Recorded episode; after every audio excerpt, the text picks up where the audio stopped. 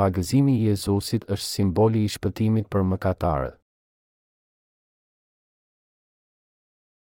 Një Pjetri tre, njëzet, njëzet e dy Vetëm pak njerëz, tetë veta gjithsej, shpëtuan nga uji. Ky ujë simbolizon pagëzimin, që tani ju shpëton ju, dhe nuk është heqje e papastërtisë së trupit, por thirrje drejtuar Perëndisë për një ndërgjegje të pastër, nëpërmjet ngjalljes së Jezus Krishtit, i cili është në të djathtë të Perëndisë, pasi u ngjit në qiell, ku atij iu nënshtruan engjëjt, pushtetet dhe fuqitë. Nëpërmjet kujt u bëmë të drejtë? Nëpërmjet mirësisë së Perëndisë. Ne u lindëm në këtë botë, por Perëndia na njihte para se të vinim këtu. Ai e dinte që ne do të lindnim mëkatarë dhe na shpëtoi të gjithë ne besimtarëve nëpërmjet pagëzimit të Tij, i cili hoqi të gjitha mëkatet e botës. Ai i shpëtoi të gjithë besimtarët dhe i bëri ata njerëzit e Tij. E gjithë kjo është rezultat e mirësisë së Perëndisë. Ashtu siç thuhet te Psalmet, Çfarë është njeriu që Ai të na mbajë mend ne? Të shëlbyerit që janë shpëtuar nga të gjitha mëkatet janë përfituesit e dashurisë së Tij të veçantë. Ata janë fëmijët e Tij. Çfarë ishim ne, që besojmë vetëm në ujin dhe në frymën, para se të bëheshim fëmijët e Perëndisë, para se të bëheshim të drejtë dhe para se të shpëtoheshim dhe të na jepej e drejta për ta thirrur Atë Atë? Ne ishim mëkatarë, thjesht mëkatarë, që u lindëm në këtë botë për të jetuar gjashtëdhjetë, shtatëdhjetë ose shtatëdhjetë, tetëdhjetë vjeç, nëse jemi të shëndetshëm. Para se të laheshim nga mëkatet tona dhe para se të kishim besimin në Ungjillin e pagëzimit të Jezusit dhe gjakut të Tij, ne ishim njerëz të padrejtë që patjetër do të shkatërroheshim. Apostulli Pal tha se ai ia kishte borxh mirësisë së tij faktin që ai ishte ai që ishte. falë mirësisë së Tij që ne jemi ata që jemi tani. Ne e falënderojmë Atë për mirësinë e Tij. Krijuesi zbriti në këtë botë dhe na shpëtoi, duke na bërë fëmijët e Tij, njerëzit e Tij. Ne e falënderojmë Atë për mirësinë e shpëtimit të ujit dhe të frymës. Cila është arsyeja që Ai na lejon që të bëhemi fëmijët e Tij, të drejtët? A mos është se jemi të bukur? A mos është se jemi të denjë? Apo mos është se jemi kaq të mirë? Le të mendojmë rreth kësaj dhe të japim falënderime atje ku duhet. Arsyeja është që Perëndia na krijoi për të na bërë njerëzit e Tij dhe për të na lejuar të jetojmë në mbretërinë e qiellit me Të. Perëndia na bëri popullin e Tij që të na lejojë të jetojmë përgjithmonë me Të. Nuk ka asnjë arsye tjetër që Perëndia na bekoi me jetë të përjetshme. Nuk është e vërtetë që ai na bëri njerëzit e tij sepse ne jemi më të bukur, më të denjë ose sepse jetojmë një jetë më të pastër se sa krijesat e tjera të tij. Arsyeja e vetme është se ai na do, ky ujë simbolizon pagëzimin, që tani na shpëton, një Pjetri tre, njëzet e një. Vetëm pak njerëz, tetë veta gjithsej, shpëtuan nga uji, një Pjetri tre, njëzet. Vetëm disa, njëri nga një qytet dhe dy të një familjeje janë shpëtuar. A jemi më të mirë se të tjerët? Aspak. Ne nuk jemi kaq të veçantë, por megjithatë ne shpëtuam nëpërmjet besimit tonë në ujin dhe në frymën. Është një mrekulli mes mrekullish që kemi shpëtuar dhe kjo është një dhuratë dhe bekim i pakushtëzuar nga Perëndia që ne mund ta thërrasim Ati ynë, Zoti ynë. Ne asnjëherë nuk mund ta mohojmë këtë. E si mund ta quanim Ati ynë ose Zoti ynë nëse ne akoma do të ishim mëkatarë? Kur mendojmë rreth faktit që jemi shpëtuar, ne e dimë se Perëndia na do si mund të mos ta falënderojmë Atë? Nëse nuk do të kishte qenë për dashurinë e Tij, bekimet e Tij, ne do të kishim lindur dhe vdekur pa patur asnjë qëllim dhe të gjithë do të kishim shkuar në ferr. Ne falënderojmë Perëndinë përsëri dhe përsëri për bekimet e Tij dhe për dashurinë që na bëri fëmijët e Tij dhe të denjë para syve të Tij. Shpëtimi i çmuar i dhënë tek ne nëpërmjet pagëzimit të Jezusit. Pse u shkatërruan njerëzit e kohës së Noeut? Sepse ata nuk besuan në ujin, pagëzimin e Jezusit. Ky ujë simbolizon pagëzimin, që tani na shpëton. Tek Pjetri një është shkruar se vetëm pak njerëz, tetë veta gjithsej, shpëtuan nga uji. Sa njerëz ishin vallë në kohën e Noeut? Nuk kemi asnjë ide sa sa njerëz ishin në atë kohë, por le të supozojmë se ishin rreth një milion. Vetëm tetë vetë të familjes së Noeut nga një milion shpëtuan. Ky raport do të ishte pothuaje i njëlloj sot. Thuhet se janë më shumë se pesë bilion njerëz në tokë tani. Midis atyre që sot besojnë në Jezus, sa prej tyre janë larë nga mëkatet e tyre? Nëse do të shikonin në një qytet vetëm, atëherë do të ishin vetëm disa. Në një qytet që ka rreth dyqind e pesëdhjetë mijë vetë, sa prej tyre do të jenë shëlbyer nga mëkatet e tyre, ndoshta dyqind? Atëherë cili do të qe raporti? Kjo do të thotë që më pak se një në një mijë ka marrë bekimin e shëlbimit. Mesatarisht janë rreth dymbëdhjetë milionë të krishterë në Kore, duke përfshirë katolikët. Nga të gjithë këta, sa prej tyre kanë lindur përsëri nga uji dhe nga fryma? Duhet ta kemi parasysh se vetëm tetë shpëtuan nga e gjithë popullsia e botës në kohën e Noeut. Duhet ta dimë dhe të besojmë se Jezusi lau mëkatet e të gjithë atyre që besojnë në pagëzimin e tij, nëpërmjet të cilit ai e hoqi të gjithë mëkatin. Nuk ka shumë njerëz që besojnë se Jezusi na shëlbeu të gjithëve me pagëzimin e tij dhe gjakun e tij në kryq. Shikoni pikurën e famshme të Ringjalljes së Krishtit. Sa njerëz të ringjallur tregohen aty?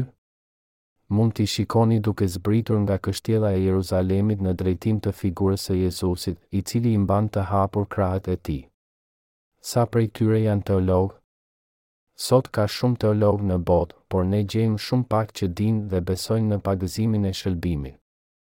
Disa teologë thonë se arsyeja që Jezusi u pagëzua ishte se ai ishte i përulur, dhe disa të tjerë thonë se ai u pagëzua që të bëhej më shumë si njerëzit e tjerë.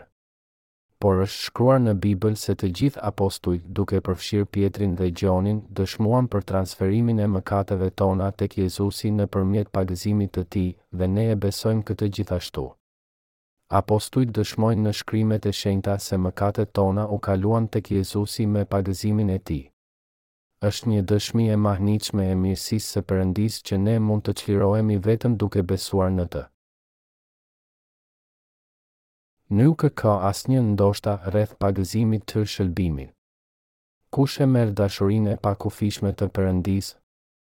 Personi që beson në pagëzimin e Jezusit dhe gjakun e tij. Ne kemi tendencë të besojmë se do të shpëtohemi vetëm duke besuar në Jezus. Të gjitha kultet janë të bindura rreth shpëtimit sipas besimit të tyre dhe shumë njerëz mendojnë se pagëzimi i Jezusit është thjesht njëri prej tyre. por kjo nuk është e vërtetë. Nga qindra librat që kam lexuar, nuk kam qenë në gjendje të gjej ndonjë libër rreth shpëtimit që cilëson marrëdhënien midis shëlbimit në pagëzimin dhe në gjakun e Jezusit dhe midis shpëtimit. Vetëm tetë shpëtuan në kohën e Noeut. Nuk e di se sa shumë do të shpëtoheshin sot, por ndoshta jo shumë njerëz. Ata që do të shpëtohen janë ata që besojnë në pagëzimin dhe në gjakun e Jezusit. Nga vizitat që kam bërë në shumë kisha, më është mbushur mendja që ka shumë pak që predikojnë ungjillin e pagëzimit të Jezusit, që është ungjilli i së vërtetës. Nëse nuk besojmë në shëlbimin e pagëzimit dhe të gjakut të Jezusit, ne përsëri mbetemi mëkatarë. Nuk ka rëndësi se sa besnikë jemi për të shkuar në kishë. Ne mund të shkojmë në kishë besnikërisht gjatë gjithë jetës sonë. Por nëse akoma kemi mëkat në zemrat tona, ne akoma jemi mëkatarë. Nëse kemi shkuar në kishë për pesëdhjetë vjet por përsëri kemi mëkat në zemrat tona, besimi i pesëdhjetë viteve nuk është asgjë tjetër përveçse falsitet. Është shumë më mirë që të kemi vetëm një ditë të besimit të vërtetë. Midis atyre që besojnë në Jezus, vetëm ata që besojnë saktësisht në kuptimin e pagëzimit të Jezusit dhe në gjakun e Tij, do të lejohen të hyjnë në Mbretërinë e Qiellit. Besimi i vërtetë është besim në faktin që Biri i Perëndisë zbriti në këtë botë dhe u pagëzua për të hequr të gjitha mëkatet e botës. Është ky besim që na udhëheq në Mbretërinë e Qiellit. Ne gjithashtu duhet të besojmë se Jezusi u gjakos në kryq për mua dhe për ty ne gjithashtu duhet që ta dimë këtë në mënyrë që ta falënderojmë Atë. Çfarë jemi ne? Ne jemi bijtë e njeriut që Ai i shpëtoi me pagëzimin dhe gjakun e Tij. Si mund të mos ta falënderojmë Atë? Jezusi u pagëzua në Jordan kur ishte tridhjetë vjeç në mënyrë që të na shpëtonte. Duke bërë këtë, Ai hoqi të gjitha mëkatet tona dhe mori gjykim për ne në kryq. Kur ne mendojmë rreth kësaj, nuk mund të bëjmë asgjë tjetër përveçse ta falënderojmë Atë përulësisht. Ne duhet ta dimë se çdo gjë që bëri Jezusi në këtë botë ishte për shpëtimin tonë. E para, Ai erdhi në këtë botë. Ai u pagëzua, u kryqëzua në kryq, u ringjall nga të vdekurit mbas tre ditëve dhe tani qëndron në krahun e djathtë të Perëndisë. Shëlbimi i Perëndisë është për të gjithë dhe secilin prej nesh pa përjashtim. Shpëtimi i Jezusit është i tërë për ty dhe për mua. Ne e lavdërojmë Perëndinë për dashurinë e Tij dhe për bekimet e Tij. Ne dimë një këngë ungjilli që i ka fjalët kështu. Është një histori e bukur. Mes kaq shumë njerëzve në botë, unë jam ai që ka dashurinë dhe shpëtimin e tij. Oh, sa e habitshme është dashuria e tij! Dashuria e tij për mua, dashuria e tij për mua! Është një histori e bukur. Mes kaq shumë njerëzve në botë, ne jemi ata që jemi shpëtuar, që u bëmë njerëzit e tij. Ne po veshim dashurinë e tij. Oh, dashuria e Perëndisë, mirësia e Perëndisë! Oh sa e habitshme është dashuria e Tij! Dashuria e Tij për mua! Jezusi erdhi këtu për të më shpëtuar mua dhe ty dhe shëlbimi i pagëzimit të Tij është si për mua ashtu dhe për ty Ungjilli nuk është ndonjë përrallë, është e vërteta që na largon nga jeta e angarisë dhe na çon në mbretërinë e bukur të Perëndisë. Besimi është marrëdhënia midis Perëndisë dhe vetes tuaj. Ai zbriti në këtë botë për të na shpëtuar ne. Ai u pagëzua dhe mori gjykimin e kryqit për të larë mëkatet tona. Çfarë bekimi është kur besimtarët mund ta thërrasin Perëndinë atin e tyre! Si mund të besojmë në Jezus si Shpëtimtari ynë dhe të shpëtohemi nga mëkati me besimin tonë? Kjo është e gjitha e mundur për shkak të dashurisë së pakufishme të Tij për ne. Ne kemi shpëtuar për shkak të Tij që na deshte ne në fillim. Jezusi i hoqi të gjitha mëkatet tona njëherë e përgjithmonë. Sepse edhe Krishti vdiq njëherë e përgjithmonë për mëkatet, i drejti për të padrejtët, që ai t'ju sillte te Perëndia, një Pjetri tre, tetëmbëdhjetë. Jezus Krishti u pagëzua për shëlbimin tonë dhe vdiq njëherë në kryq për të të shpëtuar ty dhe mua, të padrejtët. A jemi shpëtuar njëherë e përgjithmonë apo shpëtohemi vazhdimisht? Njëherë e përgjithmonë. Që të mos kishim nevojë të qëndronim përpara Perëndisë për gjykimin tonë, ai vdiq njëherë në këtë botë. Në mënyrë që të jetonim në mbretërinë e qiellit përpara Perëndisë, ai zbriti në këtë botë në mish dhe i lau të gjitha mëkatet tona plotësisht njëherë e përgjithmonë me pagëzimin e tij, me vdekjen e tij në kryq dhe me ringjalljen e tij. A e beson se Jezus Krishti na shpëtoi plotësisht me pagëzimin dhe gjakun e tij? Nëse nuk beson në ungjillin e pagëzimit dhe gjakut të tij, nuk mund të shpëtohesh. Meqë jemi kaq të dobët, ne nuk mund të lindemi përsëri nëse nuk besojmë se Jezusi lau plotësisht të gjitha mëkatet tona njëherë e përgjithmonë me pagëzimin dhe gjakun e tij. Ai u pagëzua për të hequr të gjitha mëkatet tona dhe u gjykua në kryq njëherë e përgjithmonë për të gjithë. Jezusi i hoqi njëherë e përgjithmonë të gjitha mëkatet e mëkatarëve me shëlbimin e pagëzimit dhe gjakut të tij. Do të ishte e pamundur për ne si qenie njerëzore të shëlbeheshim nëse do të na duhej të pendoheshim sa herë që mëkatonim, të ishim të mirë dhe mirëdashës gjatë gjithë kohës dhe gjithashtu të ofronim shumë gjëra për kishën. Prandaj besimi në pagëzimin e Jezusit dhe në gjakun në kryq është një domosdoshmëri për shpëtimin tonë. Ne duhet të besojmë në ujin dhe gjakun. Në mënyrë që të lindemi përsëri, nuk mund që thjesht të bëjmë punë të mira. Nuk do të vlente që të blinim kostume të mira për të varfërit ose të shërbenim ushqime të shijshme për priftërinjë. Jezusi shpëton vetëm ata që besojnë në pagëzimin e tij dhe në gjakun e tij. Në qoftë se besojmë se Perëndia na shpëtoi nëpërmjet Jezusit me pagëzimin dhe me gjakun e tij njëherë e përgjithmonë, ne do të shpëtohemi. Disa mendojnë se edhe pse Perëndia e ka thënë këtë në Bibël, përsëri ata duhet ta mendojnë më tej këtë çështje. Kjo varet nga ata. Por ne duhet të besojmë në Fjalën e Tij ashtu siç është shkruar. Tek Hebrenjve dhjetë, dhjetë është shkruar se Ai na shpëtoi të gjithëve njëherësh. Është e vërtetë se Perëndia shpëtoi njëherë e përgjithmonë ata që besuan në pagëzimin dhe në gjakun e Jezusit. Ne gjithashtu duhet ta besojmë këtë. Ai vdiq njëherë, na shpëtoi të gjithëve njëherë e përgjithmonë. O vëllezër, besoni dhe shëlbehuni. Vini barrat tuaja nën pagëzimin e Jezusit. Jezusi na shpëtoi nga e gjithë padrejtësia dhe mëkatet njëherë e përgjithmonë, duke u pagëzuar njëherë, duke derdhur gjak njëherë. I drejti për të padrejtët një Pjetri tre, tetëmbëdhjetë. Jezusi është Perëndia pa mëkate, që nuk ka mëkatuar asnjëherë. Ai zbriti te ne në mish për të shpëtuar njerëzit nga mëkatet e tyre. Ai u pagëzua dhe i hoqi të gjitha mëkatet e të padrejtëve. Ai na shpëtoi nga mëkati dhe padrejtësia. Të gjitha mëkatet e njerëzve nga lindja deri në vdekje u kaluan tek Jezusi kur ai u pagëzua, dhe të gjithë shpëtuan nga gjykimi kur ai derdhi gjak dhe vdiq në kryq. Ai u pagëzua për mëkatarët dhe vdiq në vend të mëkatarëve. Ky është shëlbimi i pagëzimit të tij. Jezusi na shpëtoi të gjithë ne mëkatarëve njëherë e përgjithmonë. Sa i dobët që është secili prej nesh.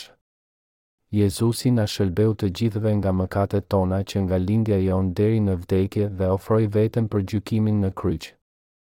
Ne që besojmë në Jezus duhet të besojmë që Ai na shpëtoi njëherë e përgjithmonë me pagëzimin dhe gjakun e Tij. Ne jemi të dobët, por jo Jezusi. Ne nuk jemi besnikë, por Jezusi është. Perëndia na shpëtoi të gjithëve njëherë e përgjithmonë. Sepse kaq e deshi Perëndia botën, saqë i dha Birin e Vetëmlindur, që kushdo që beson në të, të mos humbë, por të gëzojë jetën e amshuar, Gjoni tre, gjashtëmbëdhjetë.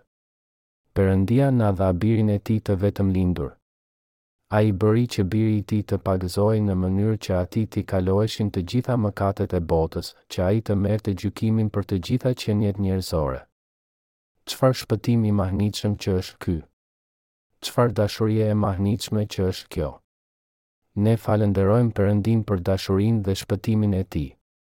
Perëndia i shpëton ata që besojnë në ujin dhe në gjakun e Jezusit, në pagëzimin e Jezusit dhe në faktin se Jezusi është Biri i Perëndisë. Prandaj, ata që besojnë në Jezus mund të shpëtohen duke besuar në të vërtetën e pagëzimit dhe në gjakun e Jezusit dhe të kenë jetën e përjetshme si të drejtët. Ne të gjithë duhet ta besojmë këtë. Kush na shpëtoi ne? A ishte Perëndia që na shpëtoi, apo ishte ndonjë nga krijesat e Tij që na shpëtoi? Ishte Jezusi, që është Perëndia, i cili na shpëtoi. Ne kemi shpëtuar sepse besuam në shëlbimin e Perëndisë dhe ky është shpëtimi i shëlbimit. Jezusi është Zoti i shpëtimit. Cili është kuptimi i Krishtit?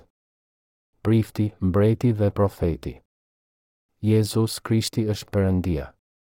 Jezus do të thotë shpëtimtari dhe Krisht do të thotë dikush që është vajosur.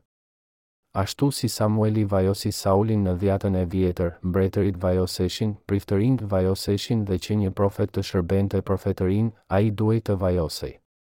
Jezusi erdhi në këtë botë dhe u vajos për tre detyra, atë të priftit, mbretit dhe të profetit. Si prifti qiellor, ai u pagëzua që të merrte mbi vete mëkatet e botës, në vend që t'ua kalonte ato të gjitha krijesave. Duke iu bindur vullnetit të Atit të tij, ai e paraqiti veten si flijim për mëkatin përpara Atit. Unë jam udha, e vërteta dhe jeta. Askush nuk vjen tek Ati përveçse nëpërmjet meje. Jezusi shpëtoi ata prej nesh që besojnë në të, duke i hequr të gjitha mëkatet tona nëpërmjet pagëzimit të Tij dhe duke u kryqëzuar. Pasi jeta e mishit është në gjak, Levitiku shtatëmbëdhjetë, njëmbëdhjetë. Jezusi u gjakos në kryq mbas pagëzimit të tij, duke ofruar kështu jetën e tij përpara Perëndisë si pagën për mëkatet tona, që ne besimtarët të mund të shpëtohemi. Ai u ringjall tri ditë mbasi vdiq në kryq dhe ai u predikoi Ungjillin shpirtrave të mbyllur në burg. Ata që nuk janë shëlbyer akoma janë si të burgosur shpirtëror në burgun e mëkatit dhe atyre Jezusi u predikon Ungjillin e së vërtetës, Ungjillin e ujit dhe të gjakut. Perëndia na ka dhënë ungjillin e ujit dhe të frymës për të na shpëtuar. Çdo njeri që beson në të ka lindur përsëri. Pagëzimi dhe gjaku i Jezusit shpëton mëkatarët. Jezus Krishti është shpëtimtari ynë dhe kjo dëshmohet tek një Pjetri tre, njëzet e një, ky ujë simbolizon pagëzimin që tani ju shpëton ju dhe nuk është heqje e papastërtisë së trupit, por thirrje e drejtuar Perëndisë për një ndërgjegje të pastër. Uji i pagëzimit të Jezusit është një domosdoshmëri për shpëtimin e mëkatarëve. Si mund të kemi një ndërgjegje të pastër përpara Perëndisë? Duke patur besim në pagëzimin dhe në gjakun e Jezusit. Jezusi i lau mëkatet e të gjithë mëkatarëve duke i marrë mbi vete të gjitha mëkatet e tyre nëpërmjet pagëzimit të tij. A besoni në pagëzimin e Jezusit? A besoni se zemrat tona janë plotësisht të pastruara nga të gjitha mëkatet nëpërmjet pagëzimit të Jezusit? Zemrat tona janë pastruar nga të gjitha mëkatet, por mishi ynë akoma mëkaton. Dikush është shëlbyer, kjo nuk do të thotë që ai nuk do të mëkatojë përsëri.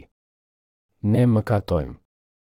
Por zemrat tona qëndrojnë të pastra nga mëkati për shkak të besimit tonë në pagëzimin e Tij. Kjo nuk do të thotë, dhe nuk është heqje e papastërtisë së trupit, por thirrje e drejtuar Perëndisë një Pjetri tre, njëzet e një. Meqenëse Jezusi lau mëkatet e mia dhe meqenëse Perëndia e pranoi gjykimin për mua, si të mos besoj unë në Të? duke e ditur se Jezusi, që është Perëndi, më shpëtoi nëpërmjet pagëzimit dhe gjakut të tij, si mund të mos besoj në të? Ne kemi shpëtuar përpara Perëndisë dhe tani ndërgjegjet tona janë të pastra. Ne nuk mund të themi më përpara Perëndisë se Jezusi nuk i lau plotësisht mëkatet tona pa thënë se Perëndia nuk na do ndërgjegja jonë është jashtëzakonisht e ndjeshme dhe na tregon sa herë që bëjmë gabim. Nëse na shqetëson sadopak ndërgjegja, ne nuk mund të çlirohemi plotësisht nga mëkati pa besuar në pagëzimin e Jezusit.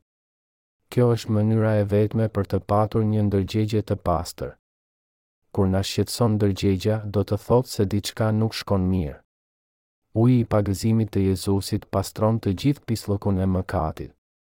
Jezusi i hoqi të gjitha mëkatet tona me pagëzimin e tij dhe na pastroi të gjithëve. Kur ne me të vërtetë e besojmë këtë, atëherë edhe ndërgjegja jonë pastrohet me të vërtetë. E si mund të pastrohet ndërgjegja jonë? Duke besuar në pagëzimin dhe në gjakun e Jezusit. Çdo njeri ka një ndërgjegje të keqe dhe të pisë që nga lindja. Por, nëse besojmë se të gjitha mëkatet tona u kaluan tek Jezusi, ne mund ta fshijmë atë njollë.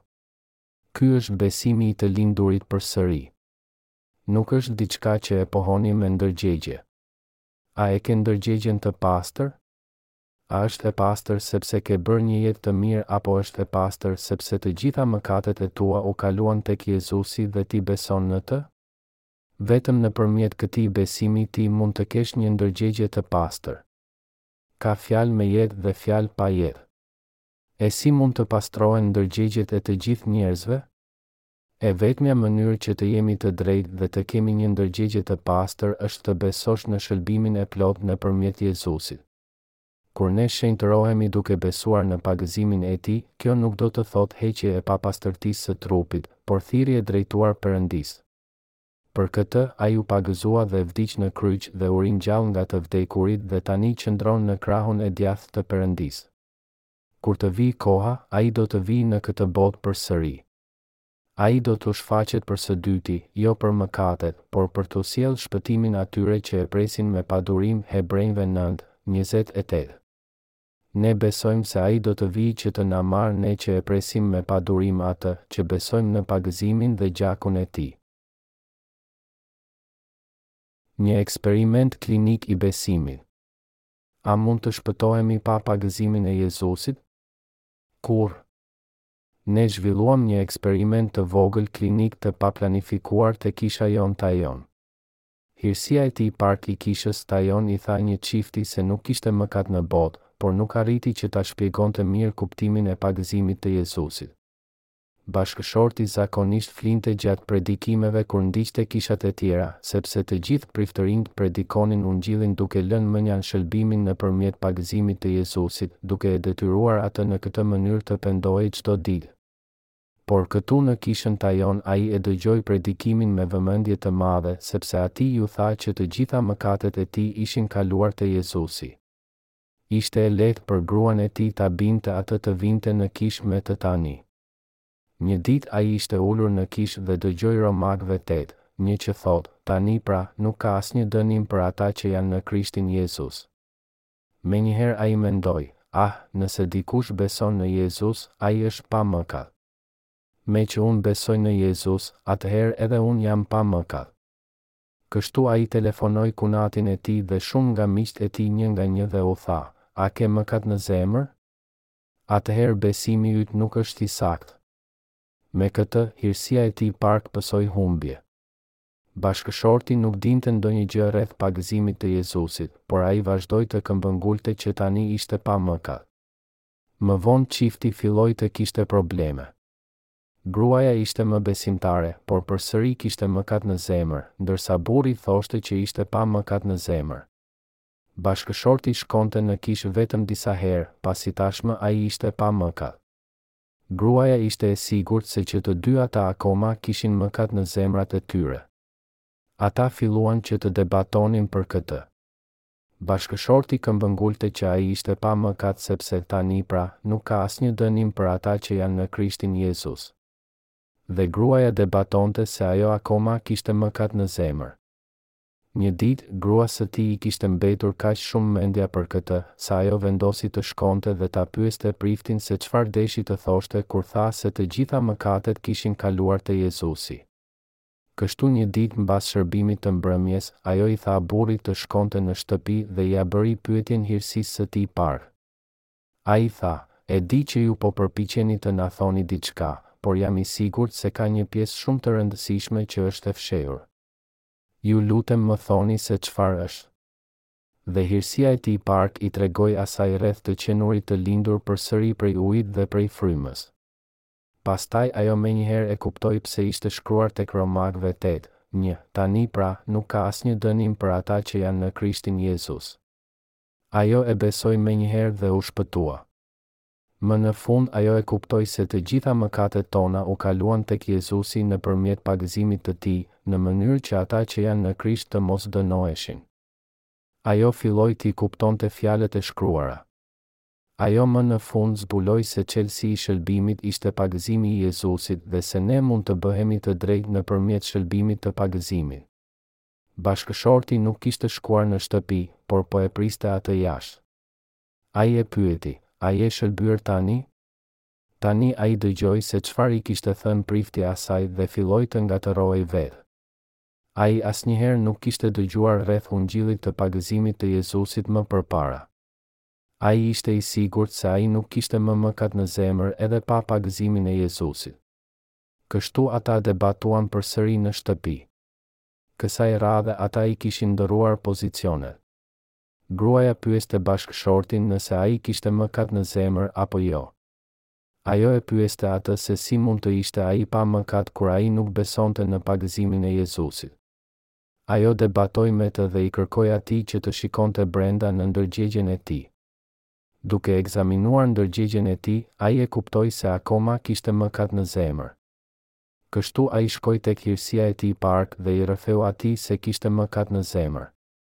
Pastaj ai pyeti, Kur ata vinin duart e tyre në kokën e cjapit të flijimit, e bënin këtë para se ta vrisnin apo mbasi ta vrisnin?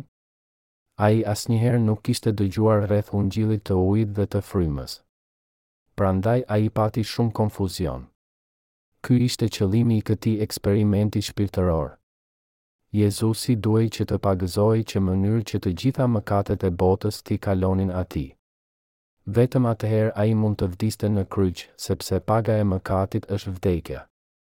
A i vinin duart mbi kokën e flijimit para apo mbasi ta vrisnin? Ai e bëri këtë pyetje pasi ishte i ngatërruar rreth vënies së duarve dhe pagëzimit të Jezusit. Prandaj hirësia e tij Park i shpjegoi atij shëlbimin e pagëzimit të Jezusit. Atë ditë, bashkëshorti për herë të parë dëgjoi rreth Ungjillit të ujit dhe të frymës dhe u shëlbye. Ai e dëgjoi Ungjillin vetëm një herë dhe u çlirua. Ky ishte një eksperiment i mënjanimit të pagëzimit të Jezusit. Ne mund të themi se nuk kemi mëkat, por sigurisht që kemi mëkat në zemrat tona pa pagëzimin e Jezusit. Njerëzit zakonisht thonë se Jezusi i pastroi të gjitha mëkatet duke vdekur në kryq, por vetëm ata që besojnë në pagëzimin dhe në gjakun e Krishtit mund të thonë që nuk kanë mëkat përpara Perëndisë. Hirësia e tij Park e provoi me këtë çift se nuk mund të shëlbehemi plotësisht nga mëkatet tona pa shëlbimin nëpërmjet besimit në pagëzimin e Jezusit. Simboli i shpëtimit, pagëzimi i Jezusit. Cili është simboli i shpëtimit? Pagëzimi i Jezusit. Ky ujë simbolizon pagëzimin, që tani na shpëton. Jezusi zbriti në botën tonë për të larë të gjitha mëkatet e botës, për t'i bërë ndërgjegjet tona aq të pastra sa dëbora e bardhë. Ne jemi pastruar nga të gjitha mëkatet sepse Jezusi i mori të gjitha ato mbi vete nëpërmjet pagëzimit të tij. Ai na shpëtoi me pagëzimin dhe me gjakun e tij. Prandaj të gjitha krijesat duhet të gjunjëzohen para tij. Ne kemi shpëtuar duke besuar në Jezus. Ne bëhemi fëmijët e Perëndisë dhe shkojmë në qiell duke besuar në Jezus. Ne bëhemi të drejtë duke besuar në Jezus. Ne jemi Priftëria e Shenjtë. Ne mund ta quajmë Perëndinë Atin tonë. Ne jetojmë në këtë botë, por ne jemi mbretër. A besoni me të vërtetë se Perëndia shpëtoi ata prej nesh që besojnë në shëlbimin e ujit dhe të frymës? Shëlbimi ynë asnjëherë nuk mund të jetë i plotë pa pagëzimin e Jezusit. Besimi i vërtetë që Perëndia dhe Jezusi njohin është që të besosh Ungjillin e Jezusit që na shpëtoi me pagëzimin e Tij, kryqin e Tij dhe me frymën. Ky është i vetmi besim i vërtetë. Mëkatet tona u lanë kur Jezusi i hoqi ato me pagëzimin e Tij dhe të gjitha mëkatet tona u paguan kur Ai u gjakos në kryq. Jezusi na shpëtoi me ujin dhe me frymën. Po. Ne besojmë.